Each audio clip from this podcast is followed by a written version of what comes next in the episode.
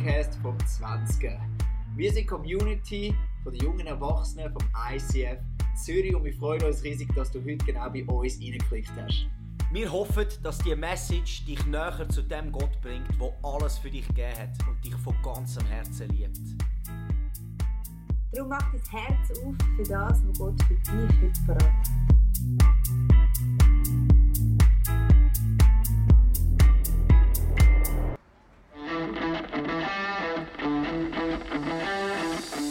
Hashtag Jesus. Jesus, das ist der Weg zu diesem Gott im Himmel. Immer die Zeit für Ostern hat die Kirche genutzt, um sich ganz bewusst auf diesen Jesus einzulassen. Wir werden ganz verschiedene Zugänge von Gott entdecken und das Geheimnis von Jesus lüften, wo er sagt, ich bin gekommen, um ihnen das Leben in Überfluss zu schenken.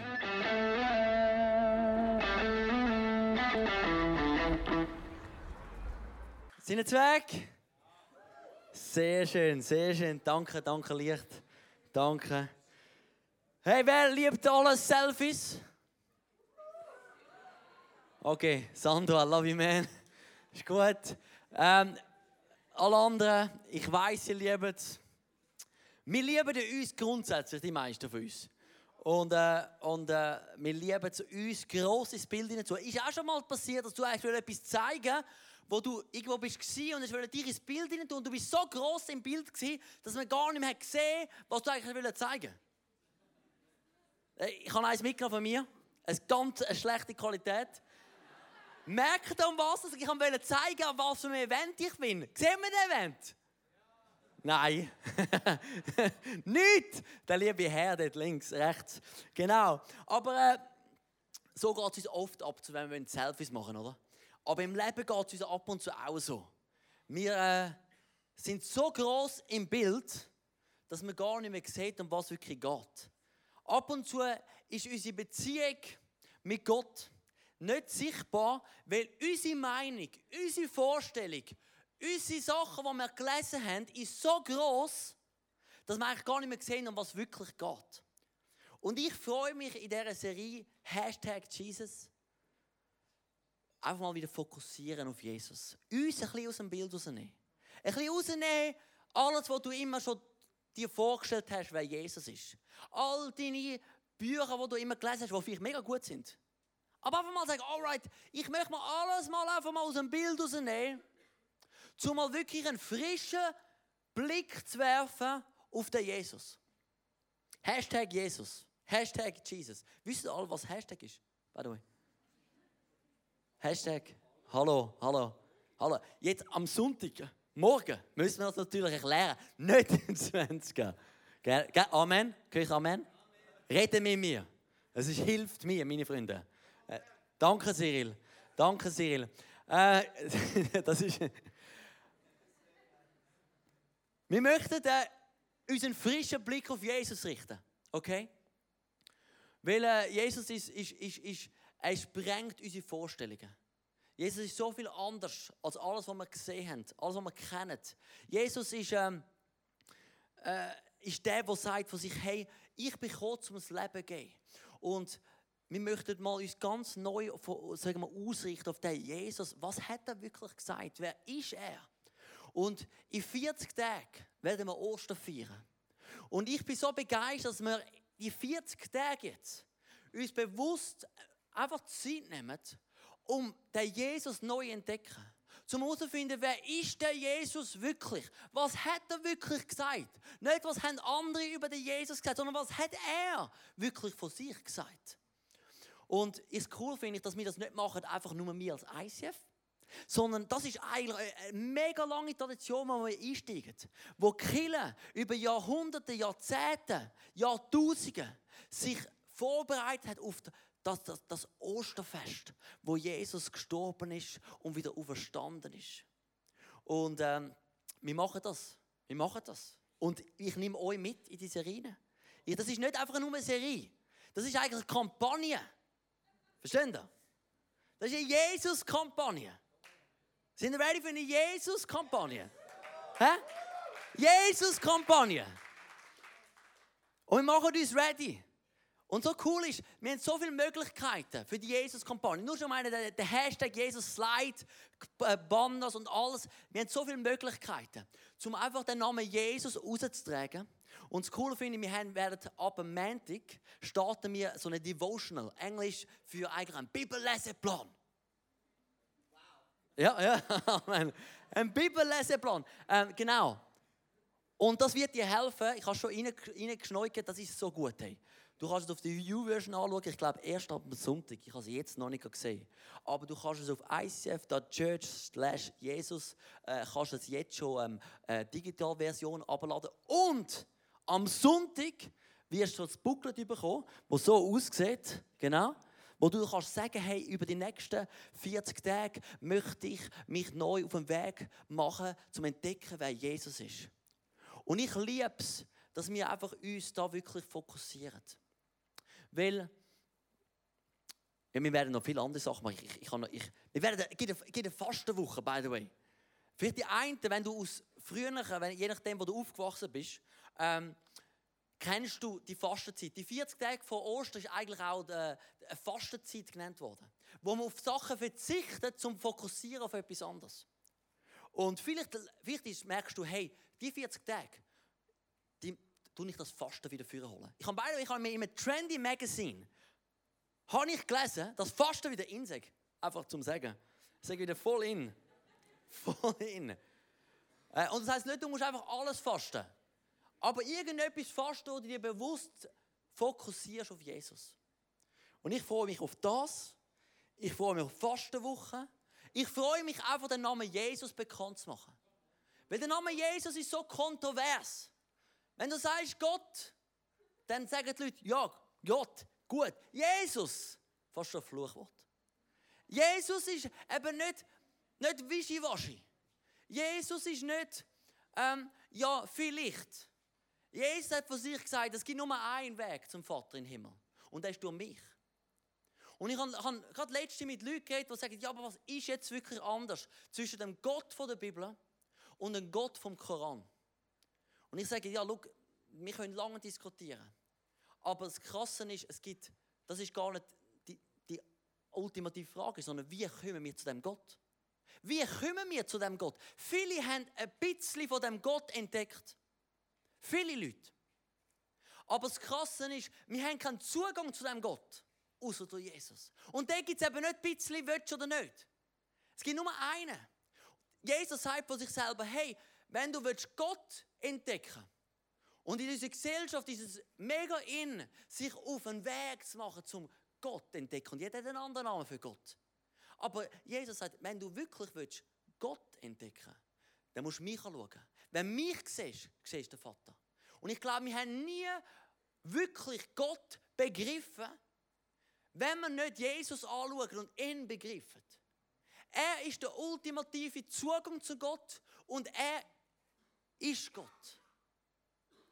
Er zeigt uns, wer Gott wirklich ist. Und darum liebe ich es einfach, das ist nicht eine ICF-Kampagne. Das ist nicht eine, hey, es wäre einfach noch guter Weg in den Himmel-Kampagne. Es wäre nicht, hey, hast du schon mal gehört, es gibt eine Gott-Kampagne. Es ist einfach Hashtag Jesus.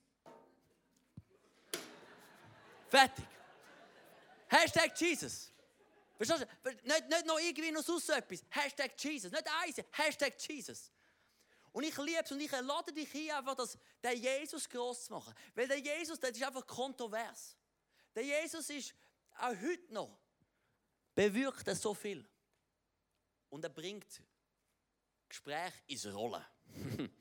Sind ihr mit mir? Amen. Lass uns beten. Come on. Jesus, ich danke dir, dass wir in diese Serie gehen Nein, in die Kampagne gehen. In die Zeit gehen. Wo wir uns fokussieren neu auf dich.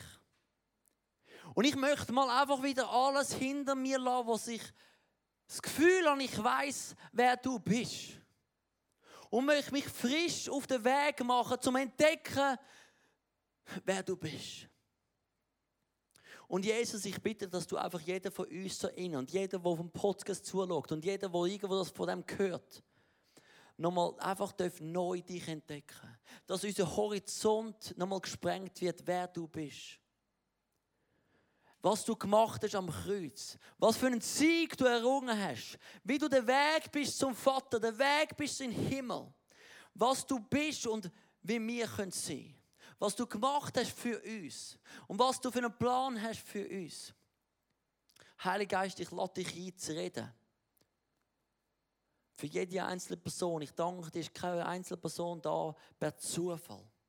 Danke, hast du einen guten Plan. Ich lade dich ein, dass einfach das machen.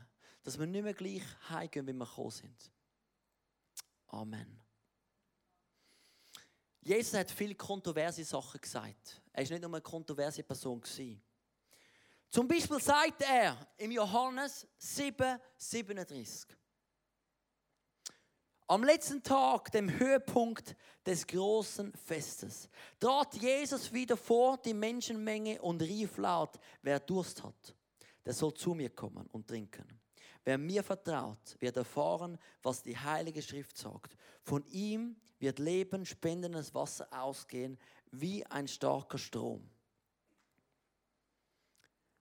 Jetzt denkst du, was meint er? Er redet immer so in Bilder. Lass mich dir ein bisschen einen Kontext geben.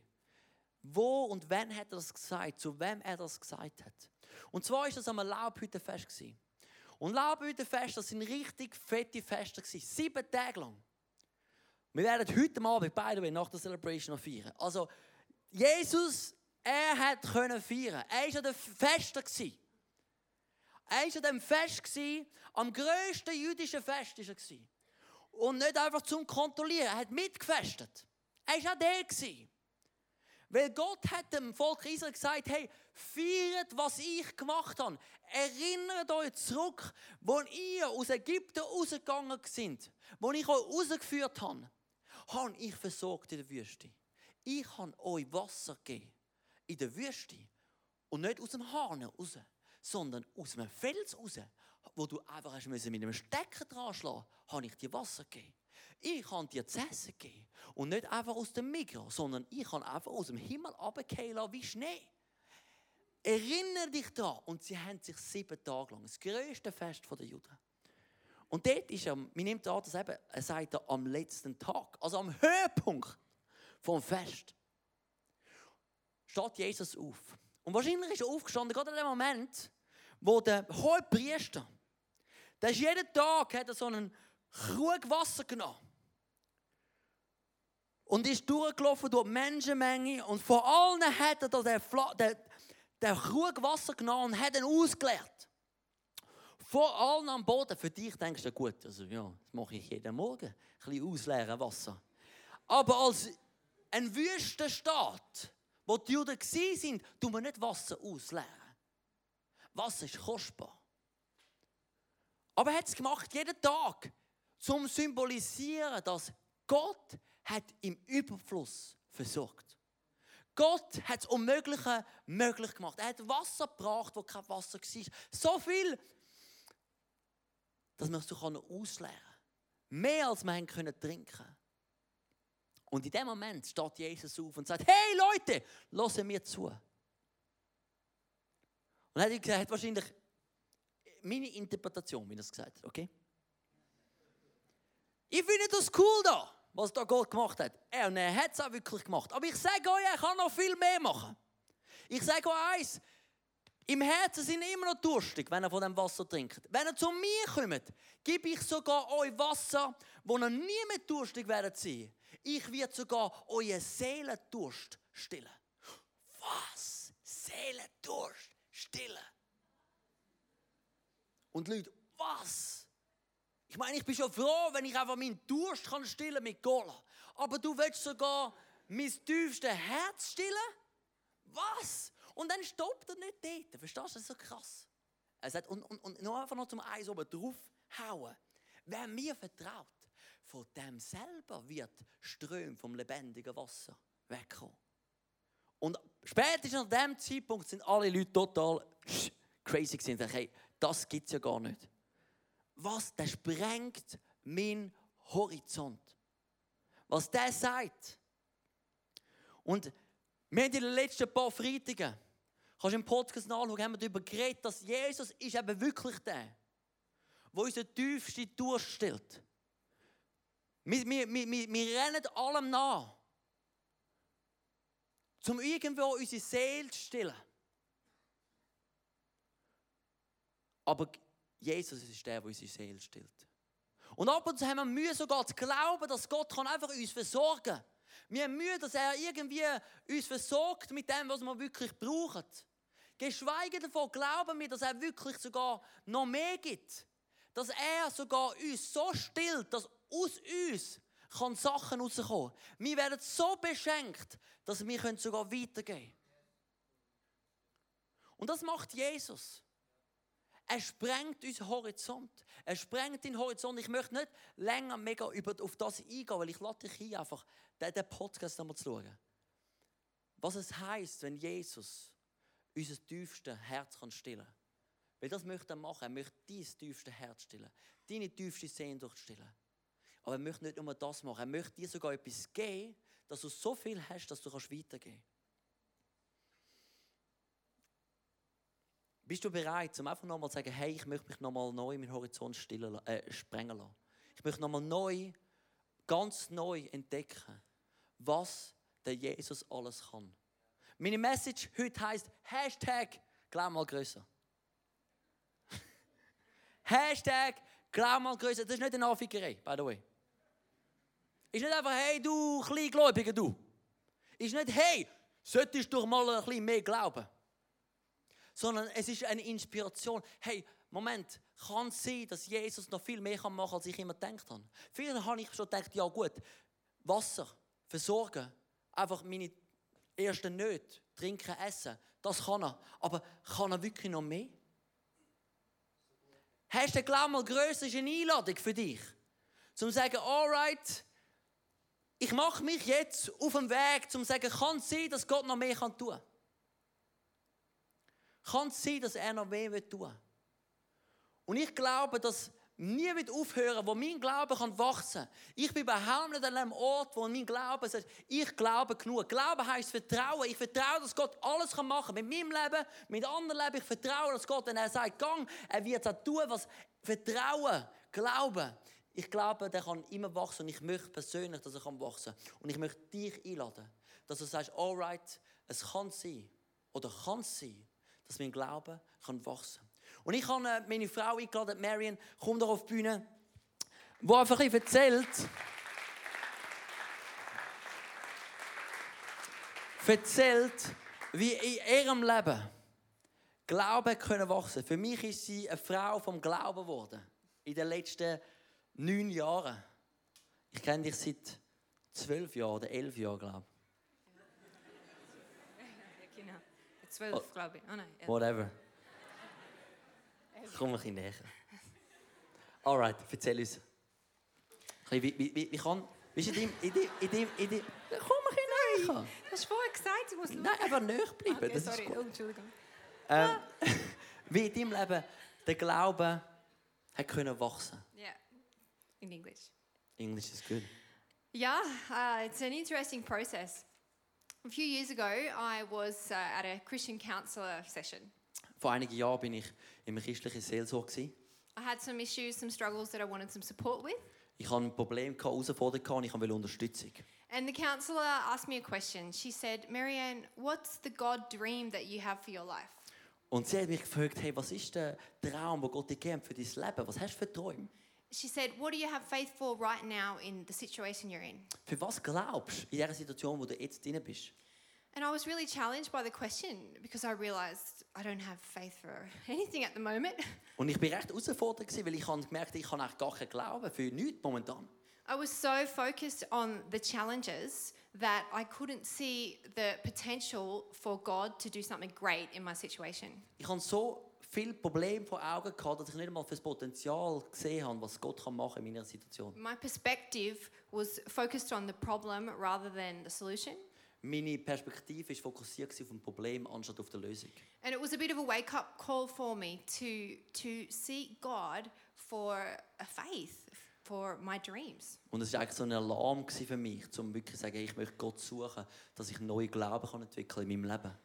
I didn't want to be defined by the problems, but I wanted to be defined by what God says about my life. Ich wollte nicht einfach quasi limitiert sind von einem Problem, sondern von de, freigesetzt von dem, was Gott sagt. And since then, there's a few things that have helped me to grow in faith. Und seitdem hat es verschiedene Sachen gegeben, die mir geholfen haben, zu meinem Glauben zu wachsen. One thing, which sounds very obvious, Und etwas, was vielleicht offensichtlich tönt, is uh, to let God's word influence my life. Dass ich angefangen habe, das Wort Gottes mein Leben beeinflussen. So when I read a verse like uh, "Perfect love drives out all fear," Also wenn ich einen Bibelvers lese, wo das perfekte Liebe alle Angst vertreibt, that it affects me to the point that I think about what would my life look like without fear. und es, es beeinflusst plötzlich mein, mein Leben, wo ich darüber nachdenke, wie könnte mein Leben ohne Angst aussehen? It suddenly changes my perspective when the word of God takes root in my thoughts and my attitudes and my behaviors. Es nimmt plötzlich, verändert meine Perspektive, wenn das Wort Gottes plötzlich Wohnung nimmt in meinen Gedanken. Or when I read a verse like God hasn't given us a spirit of timidity but a spirit of power, Und wenn ich einen Bibelvers lese, wo Gott hat mir nicht einen, einen, einen Geist von der Angst sondern einen Geist von der, von der, von der Kraft. suddenly I ask myself the question what would my life look like if I embraced each area with power? Wo ich plötzlich überlege, wie könnte mein Leben aussehen, wenn all meine Bereiche im Leben beeinflusst sind von dieser Kraft. And I realized it would look better. Und ich merke plötzlich, es wird anders aussehen. And I started, it started to cultivate faith in me to believe that it's possible. Und er hat plötzlich Glaube in mir kultiviert, dass es ist möglich. Being in God's presence and letting the word of God really uh, influence me helps me to grow in faith. Zu meinem Gottes Gegenwart zu sein, hilft mir wirklich, zu meinem Glauben zu wachsen. Another back at what God has already done in my life. Und das andere ist zum Zurückschauen, was hat Gott schon jetzt in meinem Leben gemacht? I became a Christian when I was 17. Ich bin Christ geworden, als ich 17 war. I went from darkness to light, from hopelessness to having a hope. Ich bin von, von Dunkelheit ins Licht gekommen, von Hoffnungslosigkeit zu Hoffnung. It's so easy to forget what God's done. It's so easy for our faith to become this mundane thing that's just, you know, blase. Es ist so einfach, zum plötzlich vergessen, was hat Gott schon in der Vergangenheit geme- ha- Vergangenheit gemacht. But when we go back and look at how He's transformed our lives, it can inspire us to think bigger for the future and what He wants to do. Aber wenn wir zurückschauen und sehen, was Gott schon gemacht hat, plötzlich ermutigt es uns, zum grösser zu glauben für die Zukunft. Another thing that really helps me to grow in faith is being planted in a community of people Ein anderes, wo, wo mir mega hilft, um im Glauben zu wachsen, ist zum ähm, pflanzt sein in, in einem guten Umfeld. People who are really friends to my destiny, to my God given destiny. Freunde, wo, wo Freunde sind für meine Bestimmung, zu meiner Bestimmung, wo mir helfen in meine Bestimmung, wo Gott für mich hat, reinzukommen. People who speak out God's word over my life when I need to hear it. Leute, die das Wort das Gott über mein Leben aussprechen, wenn ich es brauche, dass ich es höre. For example, my mother in law, Zum Beispiel, zum Beispiel meine Schwiegermutter, no, she's not, not, not, not the average mother in law. Nicht der Durchschnitt. no. Um, she, she's always encouraging me. She's always uh, encouraging me that, that God loves me, that He cares for me, that I'm doing well by seeking Him. Und sie ermutigt mich immer, hey, dass, dass ich es sehr gut mache und dass es Gott kann, kann tun in meinem Leben. Und sie glaubt an mich. And when I hear her thoughts, then they start to become my thoughts, and I realize, hey, hey, she could be right. Hey. Und wenn ich ihre Gedanken höre, dann plötzlich vielleicht werden es meine Gedanken und ich denke, es könnte, es könnte stimmen, was sie über mich denkt. Or the biggest person that, that really influences me in life is my lovely husband. Und der grösste Einfluss in meinem Leben ist mein, mein Ehemann. and I can tell you, I wouldn't have the faith that I have today if it wasn't for Dan's constant encouragement and believing in things, even when they're not yet here. Aber ich sage euch, ich wäre nicht, wo ich wäre, ohne die konstante Erinnerung von, von meinem Mann zum Sagen, zum Sachen aussprechen, die vielleicht noch nicht sichtbar ist, aber die sichtbar werden sein. I'll give you an example. About a year and a half ago, we were contemplating having another child, Zum Beispiel ein Beispiel vor eineinhalb Jahren haben wir überlegt, ob wir noch ein, drittes Kind haben and I had a deep desire to have another child, particularly a boy. Aber ich habe ich einen tiefen Wunsch gehabt, um noch mal ein Kind zu haben, speziell einen Bub. But my, my fear was holding me back. I was afraid. Aber meine Angst hat mich zurückgehalten. Ich habe Angst gehabt. I was afraid I'd have a bad pregnancy. I'd be full of fear and anxiety. Ich habe Angst gehabt, dass, dass ich eine schlechte Schwangerschaft habe, dass ich es nicht kann heben, dass ich es nicht kann durchhalten I kann. was afraid I wouldn't have enough patience for the kids. Ich habe Angst gehabt, dass ich nicht genug Geduld habe für die Kinder. And the whole time, Dan would say to me, Marianne, I know you can do this. God is the giver of patience. Und der, der Dan hat mich, können, hat mich immer wieder ermutigt und gesagt, hey, du kannst das. Gott kann dir Geduld geben, Gott kann dir Kraft He geben. reminded me that God can help me with my emotional stability. er hat mich erinnert, dass, dass Gott kann mir emotionale Stabilität geben And at some point, his voice in my head inspired me to think, hey, what if God could not only help me to, to be emotionally stable, what if he could actually take me above that and give me an incredible pregnancy? Äh, Und plötzlich habe ich, habe ich mir, mir vorgestellt, könnte es wirklich, was, was, wenn nicht nur Gott mir Stabilität gibt, emotional, sondern er gibt mir sogar eine wunderbare Schwangerschaft. Again, again, the perspective shift. I thought, what if actually I could have more than enough patience? What if He could come and fill those, those needs that I have? Genau, und die Perspektive hat sich geändert. Was, was wenn sogar mehr könnte geben, als ich wirklich habe oder momentan habe oder brauche? And interestingly enough, the whole pregnancy was probably the most emotional, stable time in my life up Und until now. spe speziell ist, dass die ganze Schwangerschaft ist etwa äh, emotional das stabilste gewesen, was ich erlebt easy. habe. Nicht einfach. Uh, physically, it wasn't easy, but emotionally, I felt that, that that step of faith that I made to God, God made it as well. Aber ich habe gemerkt, dass, hey, wirklich, dass er den Schritt, den ich auf Gott zugemacht habe, er einen Schritt auf mich zugemacht hat, mir das gegeben. Yep. Thank you. You're welcome. That's awesome. It's so true. Wir dir einen Applaus. Hey.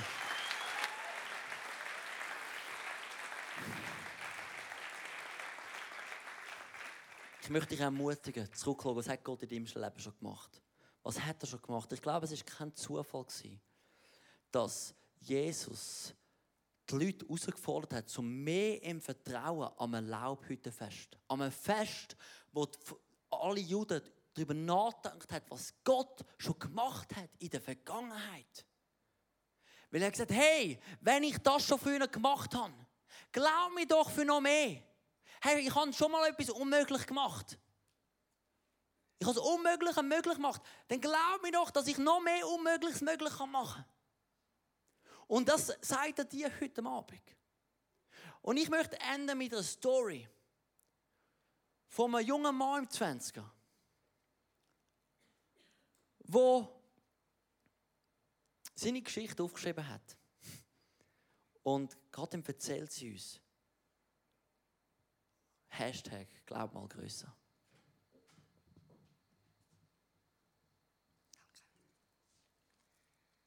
Christlich aufgewachsen bin ich zwar nicht, doch durch meine Nachbarn und meine Mami bin ich seit etwa fünf in die Kirche gegangen. Ich habe immer gewusst, dass es Gott gibt. Verändert hat sich jedoch alles, als ich elf geworden bin. Mein bester Kollege ist dann weggezogen. Durch das habe ich mich mega verschlossen und vor neuen Freundschaften aus Angst mich auch verschlossen. Ich hatte Angst, dass die gerade wieder gehen. Und durch das habe ich auch nicht mehr gewusst, was eigentlich wirklich, wirkliche Freundschaften sind. Mit 20 habe ich an einem christlichen Event einen Mann kennengelernt. Nennen wir ihn da Gabriel. Wir haben uns mega gut verstanden und ich habe mich ihm gegenüber sehr schnell geöffnet. Doch weil ich vorher nie mehr richtige Freundschaften gelebt habe, bin ich schnell ins andere Extrem gefallen. Wir haben nonstop miteinander geschrieben und uns auch viel gesehen. Gleich hat er mir erzählt, dass er auf Männer steht und das auch sexuell auslebt. Ich für mich selber habe schon vorher nicht genau gewusst, bei welchem Geschlecht ich mich jetzt angezogen fühle. Eigentlich habe ich mir immer schon Frauen, eine Frau und Kind gewünscht. Doch schon, lang, schon länger bin ich mir nicht mehr ganz sicher gewesen. Vom Gab- Gabriel habe ich Zuneigung bekommen. Nicht auf sexuelle Art, aber wenn es mir nicht gut gegangen ist, ist er da gewesen, hat mich gehabt, mich tröstet und mir gute Worte zugesprochen. Dass er mit anderen Männern geschlafen hat, hat mich aber und mich nicht hat wollen, hat etwas in mir ausgelöst, ähm, weil ich auch gerne mit ihm geschlafen hätte. Ich bin mit dieser Ablehnung nicht klar gekommen.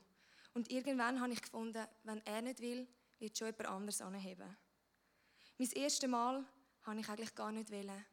Ich wollte es nur provozieren, dass nachher der Gabriel mich will. Also habe ich mich mit irgendjemandem aus einem Chat verabredet. Ich war dumm und naiv. Ich habe nicht geschnallt, was meine Verabredung geplant hat. Ich kann weder Nein noch Stopp noch irgendetwas können sagen. Mein erstes Mal auf dem WC im HB. Nachdem habe ich gedacht, ich will so etwas nie mehr erleben. Und gleich habe ich mich immer wieder in die Situation gebracht. Weil nachher ist mir scheiße gegangen. Und der Gabriel hat sich um mich gekümmert. Er hat mir die Zuneigung, die Annahme gegeben, wo ich mir so sehnlichst gewünscht habe. Alle anderen Typen sind eigentlich nur noch Mittel zum Zweck gewesen. Ich habe mir so sehr gewünscht, einfach im Gabriel nicht zu sein. Zudem habe ich gehofft, dass er, wenn er mitbekommt, dass ich mit anderen Typen schlafe, doch auch irgendwann noch ein Ja zu mir hat. Die Arztrechnungen, die körperlichen Wunden sind immer mehr und immer schlimmer geworden. Ein Kondom wäre nicht schlecht gewesen, aber ich habe mich selber immer mehr und mehr aufgegeben. Irgendwann ist es mir dann auch egal gewesen. Es hat mich sehr viel Mut gekostet, zum Gott die ganze Situation anzugeben. Nach einem Gebet habe ich gedacht, ja, jetzt wird alles besser. Im Verhältnis sind es zwar weniger Männer geworden, aber ich habe immer mehr äh, mich aufgetan und ich bin immer weitergegangen, obwohl es mich angeekelt hat. Jede Einzelberührung. Mein Selbstwert und meine Selbstachtung sind am Ende. Ich habe den Hang zu der Realität verloren. Ich habe die, die mich wirklich gerne haben, mich unterstützt haben, ähm, nicht mehr wahrgenommen und sogar auch nicht mehr geschätzt. Weder die Seelsorge noch der Psychiater haben mir wirklich etwas gebracht. Und ich habe gewusst, dass es nur noch einen gibt, der mir jetzt helfen kann. Einen, wo ich zwar gedacht habe, dass er mich nicht mehr liebt und dass er mich vergessen hat. Nämlich der Gott. In dieser ganzen Zeit habe ich nie daran gezweifelt, dass es ihn gibt. Jedoch habe ich nicht mehr daran geglaubt, dass er mich liebt. Ich habe angefangen, ihn anzuschreien und ihn zusammenzuschießen. Warum? Wieso lässt er so etwas zu? Ich habe es nicht verstanden. Über ein Jahr lang habe ich gedacht, das passiert gar nicht. Ich habe nicht realisiert, was viel auch im Hintergrund passiert. Und doch bin ich dran geblieben. Habe dem Gott vertraut und an ihm festgehabt. Mit der Zeit haben sich die Sachen verändert. Ich habe gemerkt, dass ich Gott blind vertrauen kann. Meine körperlichen Wunden haben angefangen zu heilen.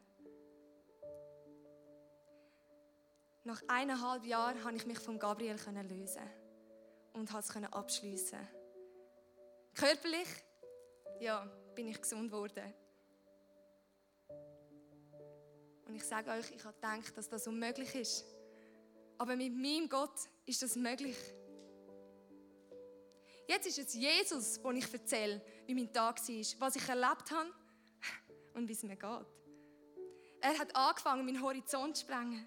Sachen, die ich für unmöglich gehalten habe, sind Realität geworden. Heute kann ich mir vorstellen, wieder eine Frau und Kind zu haben. Klar, es ist noch nicht alles gut. Und das wird auch ein Weile noch nicht sein.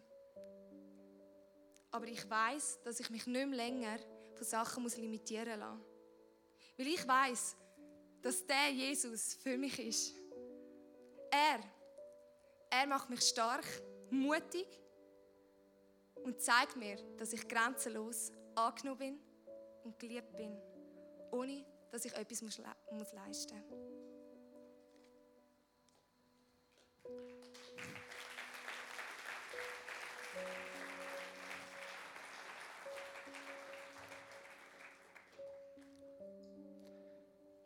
Ich weiß nicht, was deine Story ist, wo du jetzt gerade drin bist. Aber ich weiß, dass Gott kann mehr machen, als wir uns in den kühnsten Träumen vorstellen können. So stark ist seine Kraft in uns. Ich lade dich ein, aufstehen, 20.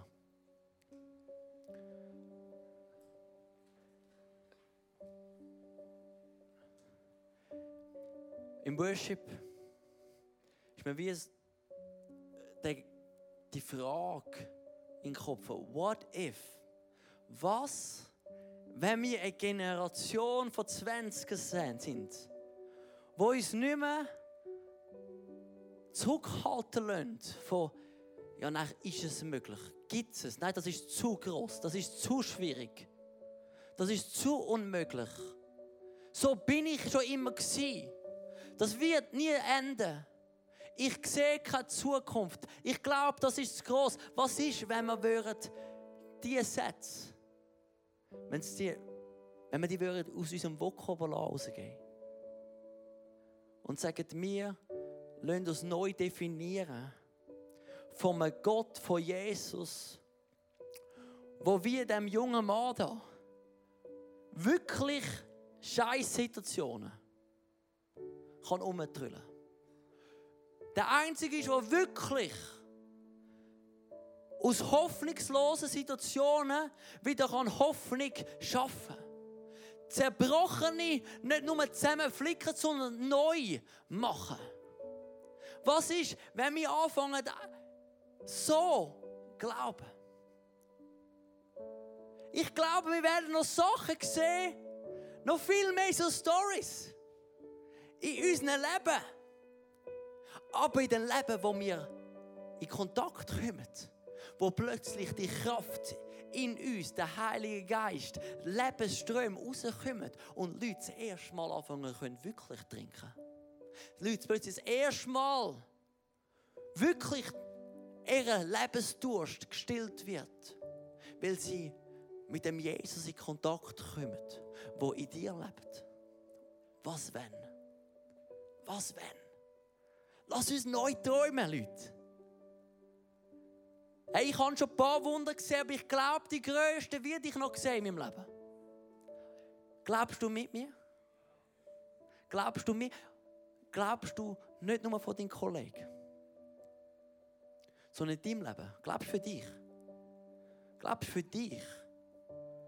Die Sachen, wo du denkst, ist es möglich, dass ich da anders leben kann? Ist es möglich, dass aus dieser Situation noch etwas Gutes rauskommen kann? Ich möchte dich ermutigen, zu sagen, hey, wenigstens mal versuchen. Wenigstens mal sagen, Gott, ich möchte glauben, hilf mir glauben. Vielleicht ist das dein Gebet heute Abend. Ich möchte glauben, hilf mir glauben.